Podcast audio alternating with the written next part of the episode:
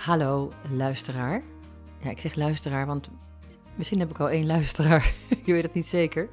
Het zou kunnen dat ik er meerdere heb, maar in ieder geval voor de zekerheid, hallo luisteraar en wellicht luisteraars. Ik ben Roxane Katz van Lift Your Spirit Coaching. In deze podcast gaan we het hebben over, over mij en over ehm, hoe ik mijn bedrijf begonnen ben, waarom en wat ik ermee wil bereiken. En we gaan het hebben over Dry January, het nut ervan, de voor- en de nadelen. Verslaving. Ik weet er echt inmiddels alles van, want ehm, ik ben zelf uh, jarenlang verslaafd geweest. En dat is eigenlijk heel raar om over jezelf te zeggen, want je hebt het eigenlijk niet eens door als dat zo ver is. Maar um, ja, wanneer is het eigenlijk begonnen? Ik ben mijn ouders hadden altijd een, een, afspraak met mij dat toen ik, uh, als ik 18 zou zijn en ik zou nog niet gerookt hebben. En nou, drinken hadden we het eigenlijk niet eens over, maar niet gerookt, uh, geen drugs gebruikt, dan, um, oh ja, en geen brommer gereden. dan zou ik een auto krijgen, een tweedehands auto op mijn 18e. Dat heb ik heel goed volgehouden, maar ze hadden niks over drank gezegd. Dus um, ik um, ben wel op, zo op mijn 16e begonnen met af en toe een drankje. Uh, ik, moest toen, leerde af en toe wijn drinken van mijn ouders. En dat vond ik, vond ik eigenlijk helemaal niet lekker. Maar, dus dat dronk ik eigenlijk niet. Maar het was wel uh, op, op uh, feestjes dat er ineens uh, Southern Comfort gemaakt werd. Dat was iets met whisky en, en sinaasappelsap, kan ik me herinneren. En, um, en dat, dat kreeg ik een keer te drinken. Ik had toen een vriendje die veel ouder was en daar werd het dan geschonken. En nou, dat vond ik eigenlijk wel heel lekker. Daar werd ik heel ontspannen van en vrolijk van. En dus dat werd een soort van borreldrankje, Southern Comfort, ik kan me nog goed herinneren. En later werd dat wijn en um, dat is echt nooit echt een probleem geweest, totdat ik wel merkte zo rond mijn 25ste dat ik toch al wat vaker ging drinken, maar nou ja, ook niet echt noemenswaardig nog. En toen kwamen er drugs erbij waar ik ontzettend op tegen was. Ik, had, ik kon nog niet eens een joint roken, dat heb ik wel eens geprobeerd, maar dat vond ik heel smerig. Maar op een zeker moment was er kook uh, in de omloop. En dat vond ik ook helemaal belachelijk dat mensen dat deden. En toch heb ik me een keer laten verleiden, na een paar glazen wijn natuurlijk, of even alcohol, om een keer zo'n lijntje te nemen. Zo'n wit onschuldig lijntje. Het zag er zo ontzettend onschuldig uit. En ik dacht, nou, als dat in mijn neus stopt, dan uh, kan ik het er gewoon uitblazen weer, weet je. Dus no harm done, dacht ik. um, dus ik dacht, nou, ik doe gewoon maar mee. Dus ik heb, ik heb een keer dat gedaan, geprobeerd. En eigenlijk vanaf dat eerste moment, toen viel alles, kreeg ik echt een enorm uh, prettig gevoel uh, in mijn hoofd. Een soort van positieve explosie. Um, alsof alles ineens uh, heel rustig werd en heel overzichtelijk vooral. Een soort van een helikopterview. Ik vergelijk het wel eens met zo'n... Um, alsof je Mikado, weet je, die stokjes Mikado, dat spelletje wat je dan hebt, dat, al die stokjes dan zo, dat je dan in het begin zo neergooit. Zo zag mijn hoofd er altijd een beetje uit voor mijn gevoel. En als ik dan een snuifje nam, dan trrr, vielen al die stokjes, die vielen gewoon in één rechte lijn naast elkaar neer. Dat gevoel, weet je, dat je gewoon eens, en dat je gewoon ieder stokje er zo uit kon pakken, precies wist welk stokje. Dus ik, ik dacht, jeetje, het leven kan er ook zo uitzien. En heel rustig en heel ruim. Eigenlijk heel gek, want bij de meeste mensen worden er natuurlijk heel actief van. Maar bij mij had het een andere uitwerking. Dat had ook weer te maken met mijn drukke hoofd. Een soort van ADHD-label had ik gekregen ooit als kind. Dat is ook maar een label. Daar kan ik nog uren over praten, maar dat ga ik nu niet doen. Maar het komt erop neer dat je gewoon heel veel prikkels, heel open staat voor prikkels en heel druk bent in je hoofd. En daar hebben ze tegenwoordig voor kinderen prachtige medicijnen voor, uh, Ritaline en Concerta. Nou, het zal allemaal wel, maar het is eigenlijk, het werkt precies hetzelfde als kook. Uh, zover weet ik dat inmiddels. Um, dus ik ging mijzelf een beetje, uh, hoe noem je dat, mediceren? Ja, ik ging een beetje aan zelfmedicatie doen. Want ik dacht, nou, zo wil ik me wel vaker voelen. Dus al heel snel kwam ik erachter, uh, want dit was, dit was in het buitenland dat ik dit ervoer voor de eerste keer. Ik kwam er al heel snel achter wie dat in Amsterdam, ehm, waar ik dat in Amsterdam kon krijgen. Dat soort kringen vertoefde ik wel. Want ik, had, ik, ik, ik zat een beetje in de artistieke hoek en met mijn werk ook. En uh, reclame en um, dat, soort, dat soort werk deed ik vroeger. Um, en ik kende natuurlijk heel veel hippe uh, en artistieke mensen en die ook al drugs gebruikten. Dus ik wist al heel snel waar ik dat kon halen. En Ik had, ehm, nou, ik gebruik dat regelmatig, maar ik leefde verder heel gezond. Ging naar de yoga en ik at biologisch. En, uh, dus ik kon het al redelijk goed uh, in balans houden. En het was ook allemaal nog niet zo heel erg. En pas later werd het gewoon toch vaker en meer. En dat ik echt op een zeker moment ook dacht van jeetje, um, nu nu beloof ik mezelf morgens om het, om het nooit meer te doen. En smiddags heb ik alweer een heel ander verhaal in mijn hoofd. En dan ga ik het, ging ik toch weer. Zag ik mezelf toch weer op de fiets. Ik zag mezelf echt weer op de fiets stappen.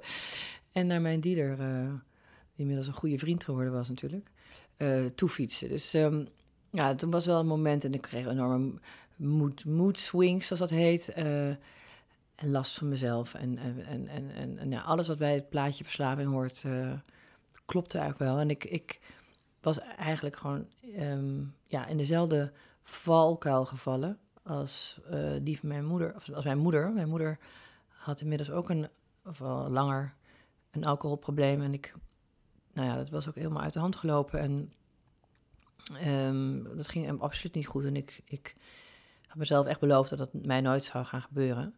En dat ik het allemaal in de hand had. Maar dat was dus niet het geval. Gelukkig ben ik wel door haar echt, zijn mijn ogen wel eerder geopend. En uh, dacht ik wel van jeetje, ik, uh, ik uh, ga helemaal dezelfde kant op als zij. En um, ik heb er ook een blog over geschreven op mijn site. En um, ik noemde dat ook wel mijn, mijn Liza Minnelli-syndroom. Liza Minnelli, de, dochter van Judy Garland, waar overigens nu ook weer een film van verschenen is. Zij, zij leed ook, onder het, het alcoholgebruik van haar moeder, die ook behoorlijk verslaafd was aan, ik meen, alcohol en pillen. Net zoals mijn moeder trouwens.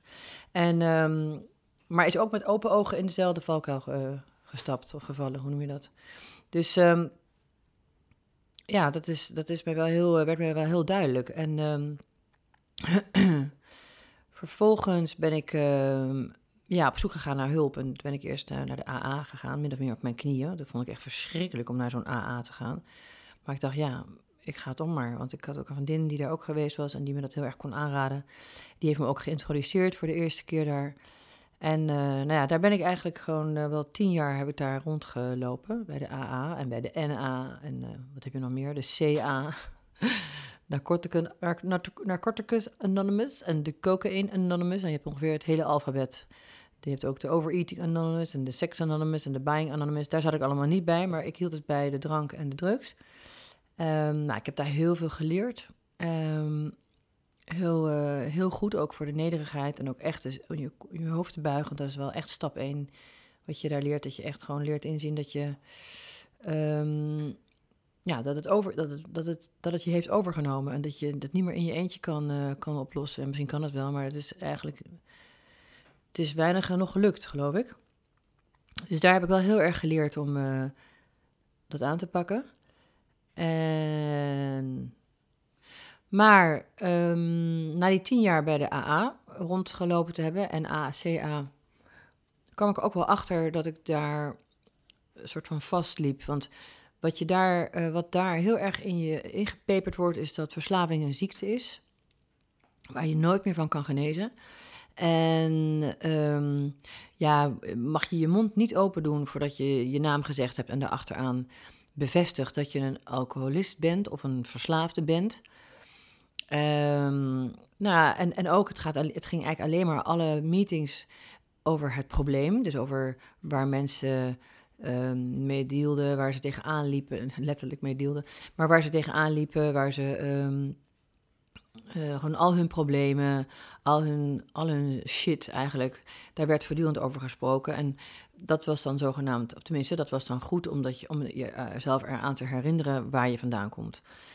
Maar eigenlijk merkte ik gewoon aan de tijd dat het helemaal niet meer goed was voor mij. Ik dacht echt van jeetje, ik wil gewoon meer die oplossing horen. Ik wil gewoon veel meer uh, praten over inspirerende dingen en, en over voeding en over voeding in de breedste zin van het woord. Dus niet alleen maar eten, maar ook over waar voed je je aan en wat, um, waar, willen, waar gaan we naartoe? Wat is iedereen, wat, wat iedereen van plan? Uh, waar, wat gaan we doen met ons nieuwe leven?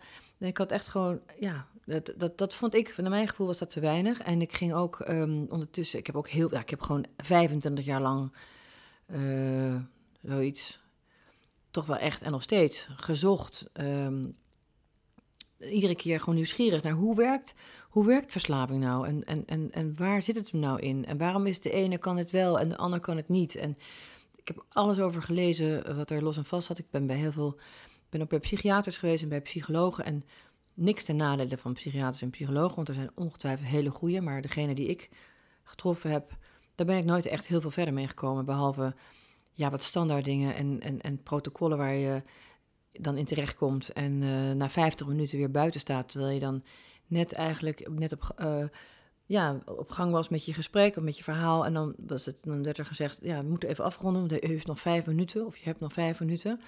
Nou, dan, dan, dan was ik altijd weer helemaal gefrustreerd. En dacht ik, ja, oké, en, en nu? Wat ik ook jammer vond, is dat, wat, dat met een psycholoog en psychiater je nooit echt een gesprek hebt in de zin van dat de ander ook wat deelt, dat je iets van herkenning ziet. Ik vind dat heel belangrijk, um, maar dat mag natuurlijk niet, want dat hoort niet, dat, dat, dat is, valt niet binnen het protocol, dat, dat kan niet. En nou, dat zou ook allemaal redenen voor zijn, dat geloof ik ook wel. Alleen ik had daar wel behoefte aan. Die persoon die ik zocht, heb ik nooit kunnen vinden, die mij geholpen heeft met mijn verslaving overwinnen. Die heb ik eigenlijk zelf, eigenlijk een beetje bij mezelf ontwikkeld. Um, wel met hulp van heel veel andere dingen die ik uh, gezocht en gevonden heb, heb um, en ontdekt heb. En met al die informatie, ik heb ook heel lang voor het tijdschrift Happiness gewerkt, vanaf dag 1, 16 jaar lang. Uh, heel veel interessante, bijzondere, wijze mensen mogen interviewen. Ook heel veel trainingen kunnen doen daardoor. En cursussen en workshops. En um, nou ja, mensen als, als wel, Baron Katie. En um, nou, ik weet niet, de meest interessante mensen heb ik uh, mogen interviewen. Um, kun je, je kunt er ook heel veel op mijn, op mijn site zien. Maar ik zeg Baron Katie, want uh, waarom ik zeg haar? Omdat zij mij heel erg leerde hoe, je, hoe alles met je gedachten eigenlijk ontstaat. En dat, uh, hoe gedachten werken. En um, dat alles begint met een gedachte.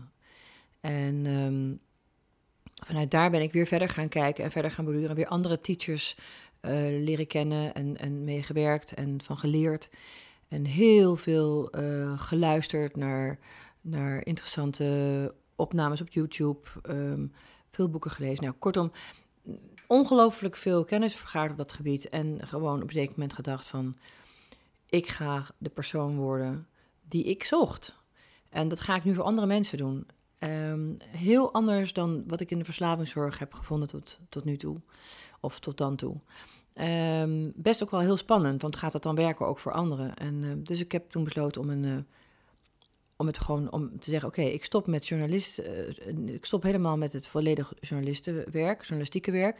Ik ga gewoon echt bordje op de deur, wat me ook is aangeraden door een van mijn leraren. Die zei: gewoon bordje op de deur, dit kan jij en dit moet je gaan doen. En je hebt al die shit in je leven niet voor niks meegemaakt.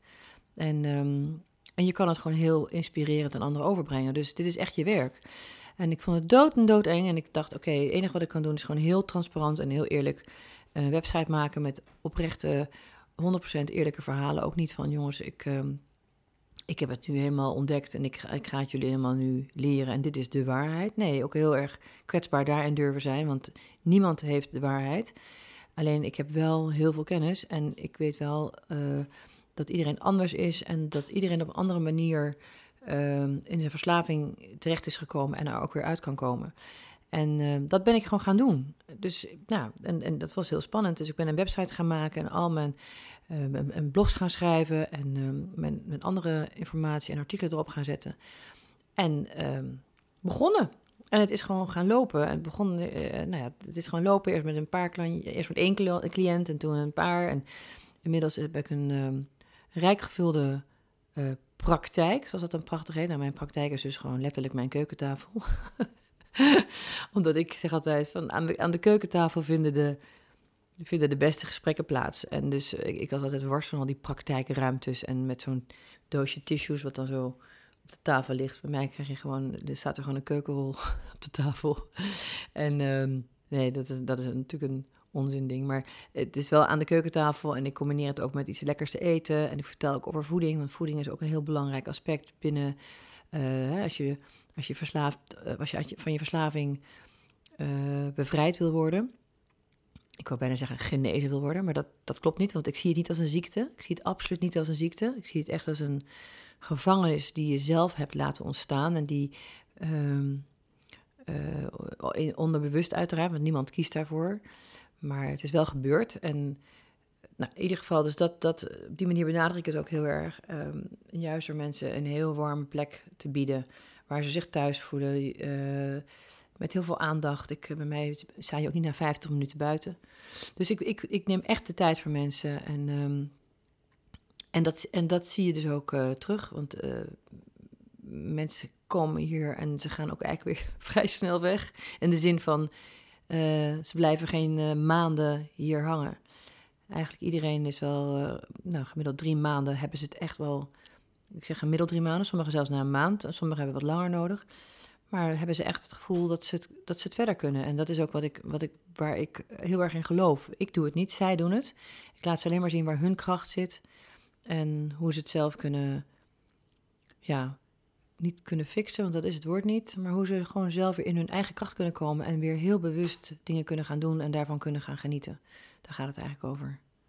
Hartelijk dank voor het luisteren naar mijn eerste podcast, die overigens tot stand is gekomen met mijn producer Alexander Forrest van Forest Creative. En mocht je contact met mij willen opnemen, dan kan dat uh, of uh, middels mijn website, naar mijn website te gaan, www.roxanekats, R-O-X-A-N-E-C-A-T-Z.nl of mij een mail te sturen naar mail@roxanekats.nl.